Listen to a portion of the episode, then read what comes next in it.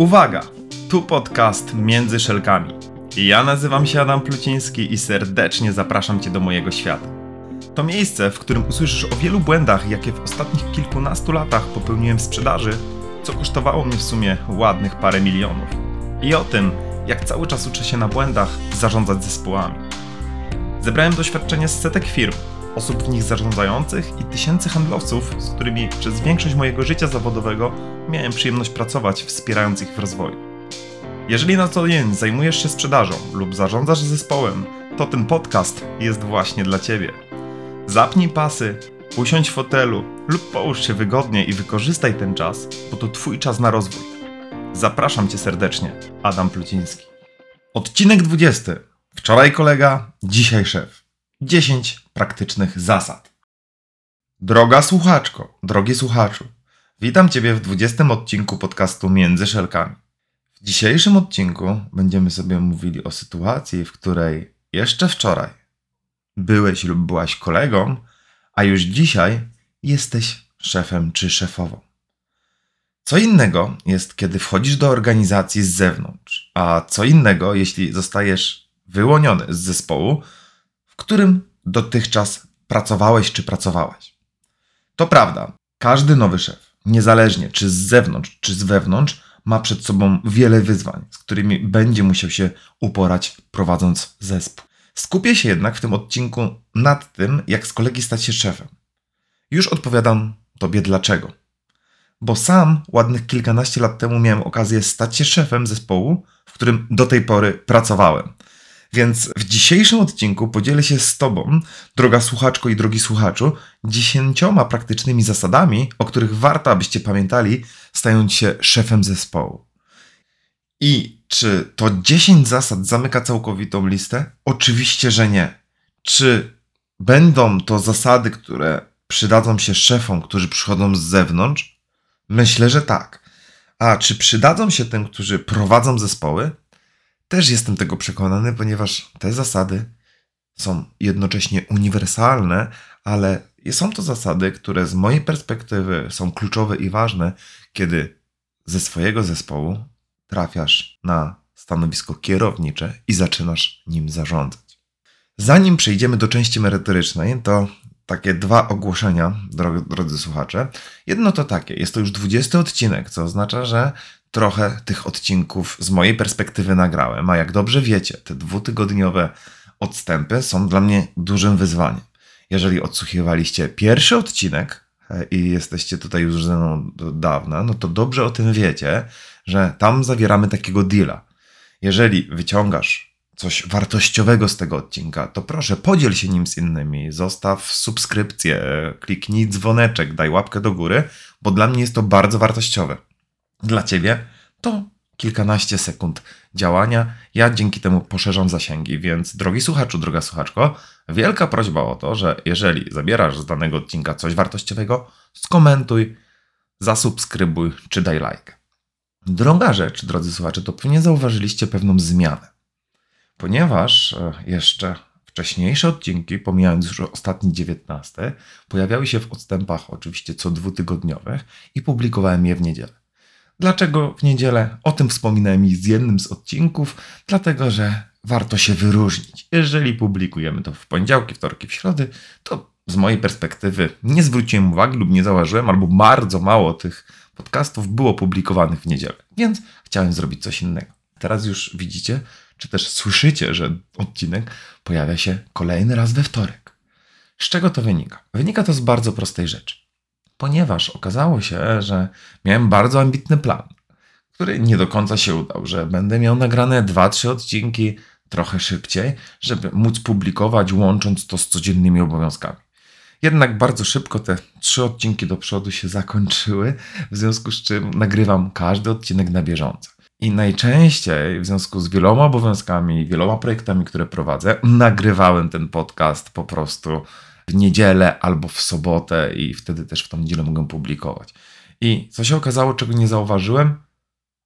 Odbijało się to na moim życiu prywatnym, na mojej kochanej żonie, na moim kochanym synku, ponieważ kilka godzin inwestowałem w to, żeby nagrać odcinek podcastu. Dlaczego kilka godzin? Bo do tej pory robiłem też całą obróbkę sam. Chciałem, żeby to, co do Was trafia, było idealne, więc oprócz samego nagrania przygotowywałem jeszcze wszystko dookoła. Dlaczego zmieniłem to na wtorek? Z bardzo prostej przyczyny, bo powiedziałem sobie, obiecałem, że nie będę robił już tego w ten dzień wolny, który najczęściej mamy wspólnie, więc postanowiłem ustalić wtorek. Bo poniedziałek jest rozruchowy i to tylko dlatego, więc drodzy słuchacze, merytorycznych odcinków możecie spodziewać się co wtorek.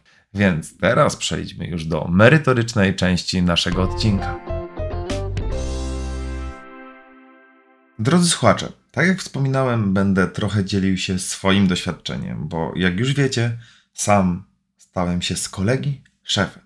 Poza tym, w ramach tego odcinka będę też dzielił się tym doświadczeniem z wielu firm, z którymi od wielu lat współpracuję, z którymi realizujemy wiele projektów.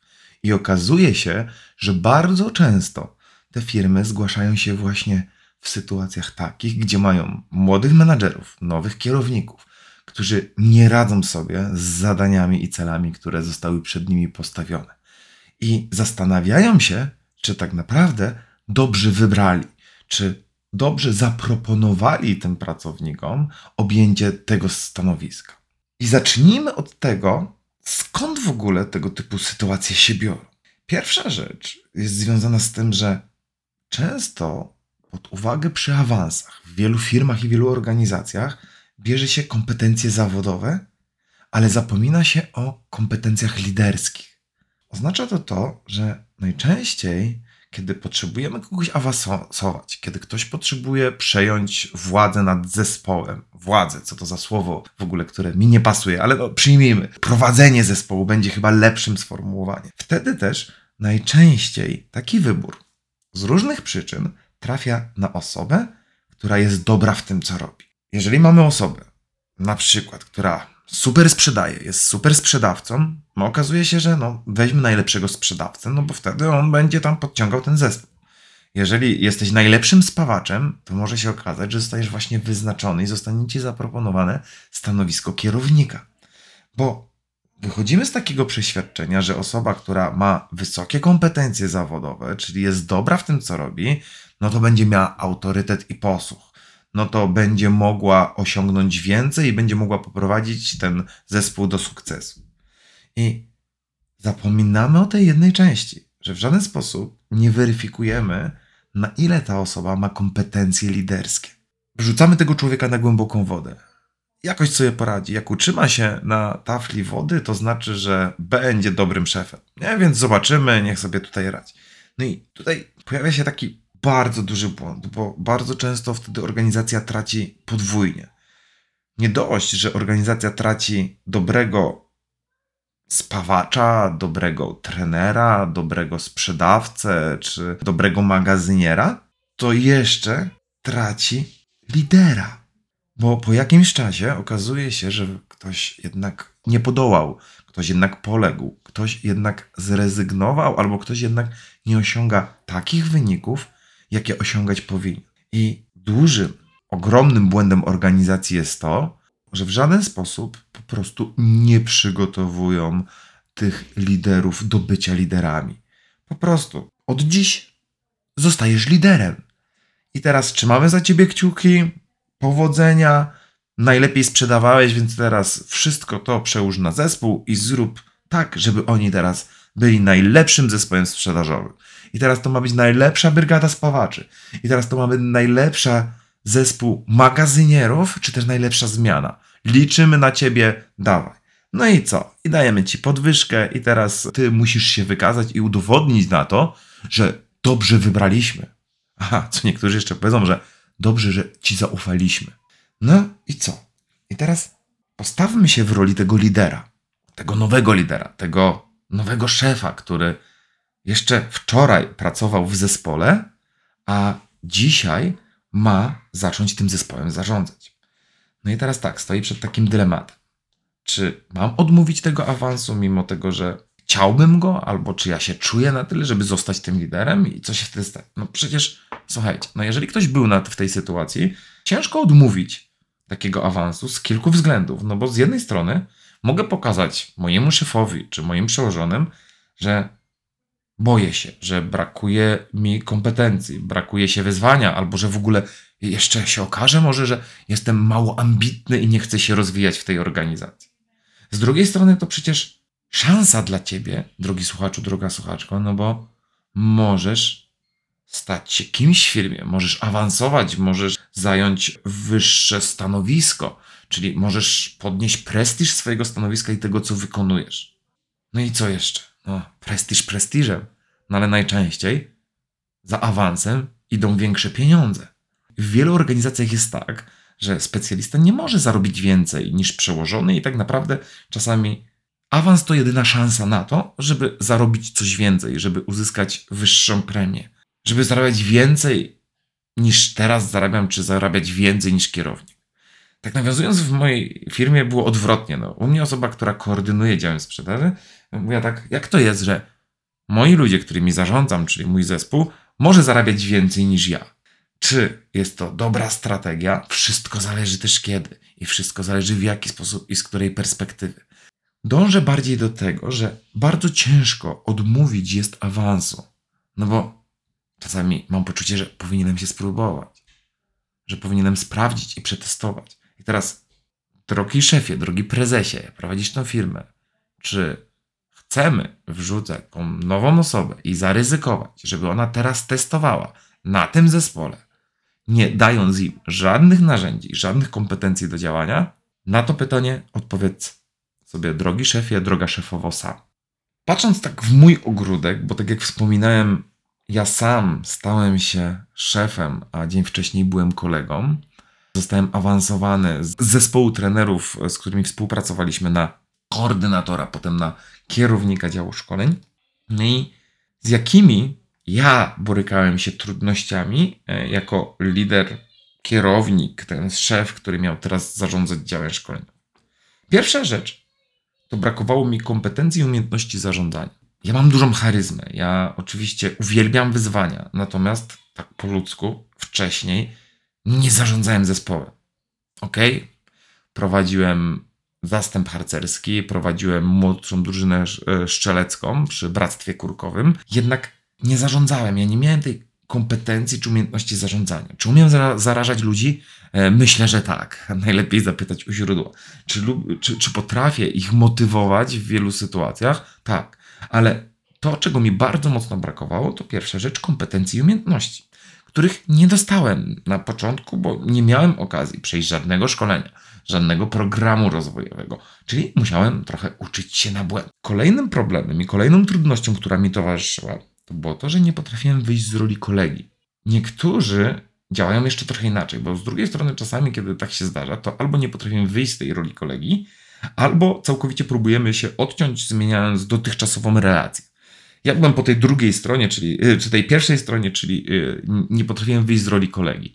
No bo z jednej strony byłem szefem, musiałem realizować konkretne cele, ale z drugiej strony, no przecież byłem cały czas tym kolegą, no przecież nie mogę ich teraz traktować jakoś inaczej, no bo co, ja mam się zmienić? I to było dla mnie trudne, żeby z jednej strony realizować cele i żeby stać za firmą i patrzeć z ich perspektywy, z perspektywy firmy, którą tworzę część, i jednocześnie patrzeć z perspektywy moich ludzi, żeby nie stracić z nimi relacji. To byli moi koledzy i koleżanki. Więc ja oczywiście chciałem osiągać te cele, no ale przecież jeszcze jakiś czas temu sam z nimi poszukiwałem różnego typu rzeczy, które miały za zadanie a trochę uniknąć jakiejś nudnej pracy. No a co, teraz miałem z tych ich rozliczać? Kurczę, wyjdzie to źle. Kolejna rzecz i kolejna trudność to to, z którą ja się spotkałem jako osoba, no to pojawiły się pewne osoby w zespole, które już od samego początku zaczęły kopać pode mną dołki.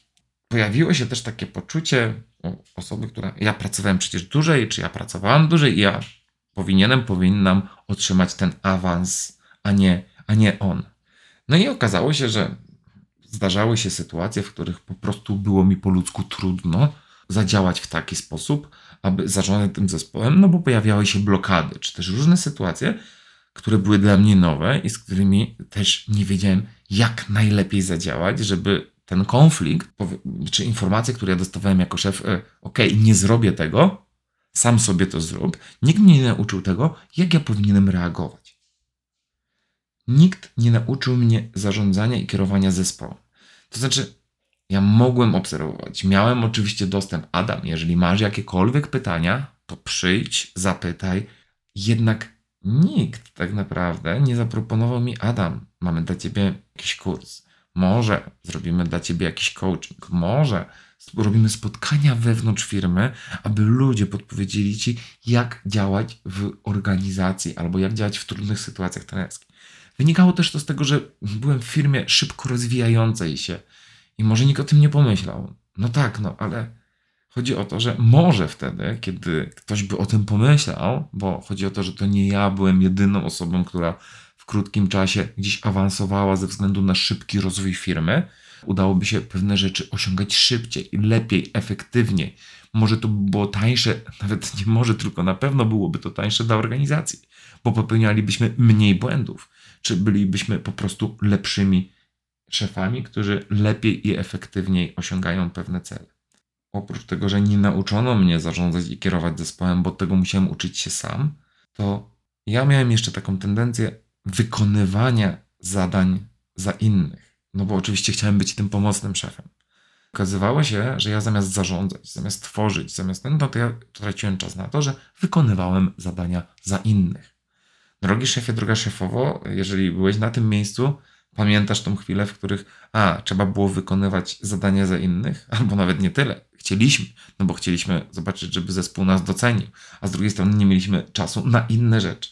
Kolejna rzecz to zamiast zarządzać ludźmi, cały czas jeszcze wykonywałem swoje działania, czyli swoje zadania, które wykonywałem do tej pory na tym stanowisku, które zajmowałem. Dla przykładu, osoba, która do tej pory sprzedawała, to zamiast zacząć zarządzać sprzedażą, no to cały czas jeszcze sprzedaje i opiekuje się swoimi klientami. Osoba, która, nie wiem, szkoliła do tej pory, no to zamiast też zarządzać i układać wszystko jakościowo, to nadal gdzieś chciała te szkolenia prowadzić. I trochę tak patrząc nawet dalej, ja dzisiaj prowadzę firmę swoją szkoleniową i okazuje się, że ja cały czas prowadzę te warsztaty i szkolenia, bo kocham to i lubię i bardzo dobrze czuję się na sali, ale wtedy mam za mało czasu do zarządzania. Wtedy mam za mało czasu do tego, żeby rozwijać firmę i żeby, żeby cały czas gdzieś tam osiągać jeszcze wyższy level. Ja wiem, że moim ludziom czasami tego brakuje. Jeżeli słuchacie tego teraz, mój circinusowy zespole, to przepraszam Was za to, że nie mam dla Was tyle czasu, ile mieć powinienem. I to nie postanowienie noworoczne, ale pewne działania i pewne zmiany i reorganizacja będzie i będę gdzieś też tego czasu dla Was więcej szukał, bo wiem, że go też potrzebujecie. I jednocześnie dziękuję za Waszą wyrozumiałość, bo nie jestem najłatwiejszym szefem, co o czym dobrze pewnie wiecie, ale cały czas się uczę. Bo uczę się tego zarządzania od wielu lat i wiele tych błędów też popełniam. Ale wróćmy jeszcze do tych błędów, które do tej pory popełniałem, ale nawet nie tyle popełniałem, co wyzwań, z którymi spotykałem się jako szef. Zarządzałem też intuicyjnie, bo nie wiedziałem, czy to jest najlepsze zadanie, czy tak powinienem przeprowadzić tą rozmowę z pracownikiem, czy tak powinienem postawić cel, w jaki sposób powinienem je rozliczać. Ale robiłem to bardziej intuicyjnie. Intuicyjnie w wielu przypadkach mi to wychodziło, ale w wielu wiem, że dałem ciała. W wielu sytuacjach wiem, że zrobiłem po prostu coś źle. No bo teraz, jako szef, mam zacząć osiągać cele. I z tych celi rozliczany będę ja i rozliczany będzie mój zespół. To jest coś nowego. I jeżeli my nie przygotujemy nowego lidera do bycia liderem, po prostu będzie trudno, będzie ciężko i niektórzy zrezygnują. Albo popełnią tak dużo błędów, które będzie kosztowało ich bardzo dużo. I czasami nie dosyć, że tracimy lidera, który po prostu awansując nie dał rady, to tracimy jeszcze najlepszego specjalistę, który do tej pory robił nam najwyższe wyniki sprzedażowe. No i moi drodzy, w takim razie takim wstępem i tymi trudnościami, bo jeżeli odsłuchujesz ten odcinek, to znaczy, że jesteś na tym etapie, może jesteś na tym etapie, że właśnie stoisz przed decyzją na awans lub już zostałeś awansowany i z tego odcinka chcesz wyciągnąć więcej. A może po prostu ty będziesz kogoś awansował i dlatego słuchasz ten odcinek. Dlatego też powiem o takich 10 praktycznych zasadach za moment, Jednak pamiętajcie o jednej najważniejszej rzeczy. Przygotujmy się. Potrzebujemy kompetencji liderskich, które tak jak wszystkich innych, nie rodzimy się z nimi, tylko musimy je nabyć. Musimy się pewnych rzeczy nauczyć, musimy pewnych rzeczy doświadczyć. Możemy się uczyć na błędzie, tylko będzie to nas kosztowało więcej czegoś: energii, czasu, wysiłku, no i czasami pieniędzy. Przejdźmy do 10 praktycznych zasad, o których warto pamiętać, kiedy stajesz się szefem. Kolejność zasad nie ma wielkiego znaczenia, więc na tym się nie skupiałem. Wszystkie są tak samo ważne. Zasada pierwsza. Ustal wspólnie z zespołem zasady, których będziecie wspólnie przestrzegać. Do tego możesz użyć kilku narzędzi, o których tym nie będę mówił tutaj dzisiaj, ale chodzi o to, że już na samym wstępie warto z zespołem ustalić zasady, których będziecie wspólnie przestrzegać. I teraz mówiąc wspólnie, czyli mam na myśli ja jako nowy szef i wy jako zespół. Jeżeli zasadą jakąś naj, najprostszą może być, że nie jemy przy biurku, to ja też przy biurku nie jem. Czy nie pijemy kawy przy biurku, to ja też tej kawy nie piję. Czy nie spóźniamy się, to ja też się nie spóźniam. To jest ważne. Dwie strony muszą przestrzegać tych samych zasad. Kolejna zasada druga. Określ wartości, które dla ciebie, jako dla szefa, są ważne i istotne. Powiedz o wartościach, którymi się kierujesz, o wartościach, którymi kierujesz się w pracy i o wartościach, które ważne są dla ciebie w życiu. Dlaczego? Jeżeli sobie spojrzymy na właśnie piramidę Dilca, no to jeżeli będą dotykali Twoich wartości, będzie to wpływało na Wasze zachowanie, na Wasze przekonania i e, na, na to, w jaki sposób będziecie tym zespołem zarządzać. I może to tworzyć wiele niepotrzebnych konfliktów. Punkt trzeci, czyli zasada trzecia. Zapytajcie swój zespół i swoich ludzi o wartości, jakimi oni się kierują. O tych wartościach, które dla nich są ważne. Bo jeżeli ty, nowy szefie, będziesz wiedział, jakimi wartościami oni się kierują, to nie będziesz zaskoczony tym, że jeżeli będzie godzina 15.59, to ktoś będzie się pakował i będzie chciał wracać szybko do domu. Bo na przykład ceni sobie i dla niego jedną z największych wartości jest rodzina i ten czas z rodziną jest bardzo ważny. I to nie jest tak, że on nie siedzi w nadgodzinach, czy nie pakuje się później, tylko jego zachowanie wynika z tego, że chce spędzić ten czas z rodziną. To, jakie zasady ustalicie, to jest jedno, ale znając wartości i rzeczy, które są dla ludzi ważne, nie będziecie mieli nic przeciwko temu, albo będziecie przynajmniej rozumieli pewne zachowania. Zasada czwarta. Pokaż, jakiego wsparcia i jakiej pomocy możesz udzielić swoim ludziom, swojemu zespołowi. W czym tak naprawdę mogą na ciebie konkretnie liczyć. Nie, jeżeli będziecie mieli jakikolwiek problem. Oczywiście każdy tak mówi, ale bardziej chodzi o to, żebyś pokazał, jakiego wsparcia ty możesz im udzielić, w czym jesteś tym ekspertem, w czym możesz im podpowiedzieć, w czym możesz im pomóc. Ja wiem o tym, że do tej pory pracowaliście w jednym zespole i oni mogą sobie zdawać z tego sprawę. Natomiast ważne jest to, że możesz też zadziałać w ten sposób i pokazać coś, czego mogą o tobie nie wiedzieć. Punkt piąty, czyli zasada piąta. Ustal formy komunikacji. Oznacza to to, żebyś ustalił formę komunikacji w różnego typu momentach i w różnego typu działaniach. Dla przykładu, w jakich sprawach kontaktujemy się mailowo, jakie sprawy lepiej załatwiać telefonicznie, jakie sprawy możemy załatwić na Messengerze. Chodzi o to, że jeżeli będziesz miał jasność i przyjrzysz sobie zasad komunikacji, albo unikniesz problemów, które mogą z tego powodu się pojawić. Zasada szósta. Modeluj zachowania. Wracamy trochę i łączymy to z praktyczną zasadą numer jeden, czyli ustal wspólne zasady. A modeluj zachowania. Jeżeli chcesz, aby ludzie byli otwarci w komunikacji, to ty też musisz być w tej komunikacji otwarci. Jeżeli mam mówić, jeżeli coś mi nie pasuje, to ty też, drogi szefie, musisz mówić wtedy, kiedy ci nie pasuje. Chodzi o to, żebyś modelował zachowania, czyli ludzie uczyli się poprzez naśladowanie. To ty jako lider, jako szef musisz dawać ludziom przykład, żeby zachowania mogli modelować. Zasada siódma. Kompetencje liderskie należy rozwijać. Niezależnie jak, możecie to robić poprzez szkolenia, wewnętrzne meetingi, poprzez coaching, poprzez pracę indywidualną. Oczywiście ludzie będą to robić, bo chcąc zarządzać dobrze, to będą szukali rozwiązań w internecie, czyli jak przeprowadzić trudną rozmowę. Udostępnijcie możliwość rozwoju tym liderom. Możecie stworzyć dla nich akademię, możecie przeprowadzić dla nich, wykupić mu jakieś vouchery rozwojowe, ale dajcie tym ludziom uczyć. Dobrze, żebyście mieli cały model rozwojowy, czy całą ścieżkę, którą musi przejść nowy lider, aby stał się tym liderem i poznał narzędzia i potrafił je wykorzystywać w praktyce. Nie zawsze jest to możliwe, ale jeżeli nie będziemy ich rozwijać, będziemy tracić. Zasada ósma: bądź otwarty na feedback. Niech ludzie powiedzą tobie, jakiego oni lidera potrzebują. Niekoniecznie możesz szukać albo musisz szukać wszystkich informacji w książkach, na YouTubach, czy też w podcastach, których na przykład słuchasz, ale bądź otwarty na feedback. Zapytaj ludzi, czego oni tak naprawdę oczekują od ciebie jako lidera. Bądź otwarty na feedback, czyli też przyjmuj informację zwrotną od swojego zespołu, a nie tylko przyjmuj, ale oni, oni również pytaj. Mam takie wrażenie, mam takie doświadczenie, że, że nie pytamy tych ludzi, albo pytamy ich bardzo rzadko od święta. Ja chyba też za rzadko pytam moich ludzi, czego oni oczekują, jakiego lidera oni potrzebują na tym etapie, bo na różnym etapie rozwoju mogą mieć różne potrzeby. Zasada dziewiąta. Pytaj ludzi, co jest dla nich ważne. Jeżeli będziesz wiedział, co jest dla nich ważne, będziesz znał, tak jak już wcześniej mówiliśmy, ich wartości, będziesz wiedział to, co jest dla nich istotne w kontekście rozwoju ich stanowiska, ich pracy, no to będzie ci łatwiej takim zespołem zarządzać. Nie muszę szukać daleko, bo prowadziłem ostatnio projekt. Usłyszałem na takim podsumowaniu, ludzie powiedzieli o tym, że oni chcieliby i oczekiwali, żeby na kolejnych warsztatach pojawili się ich szefowie.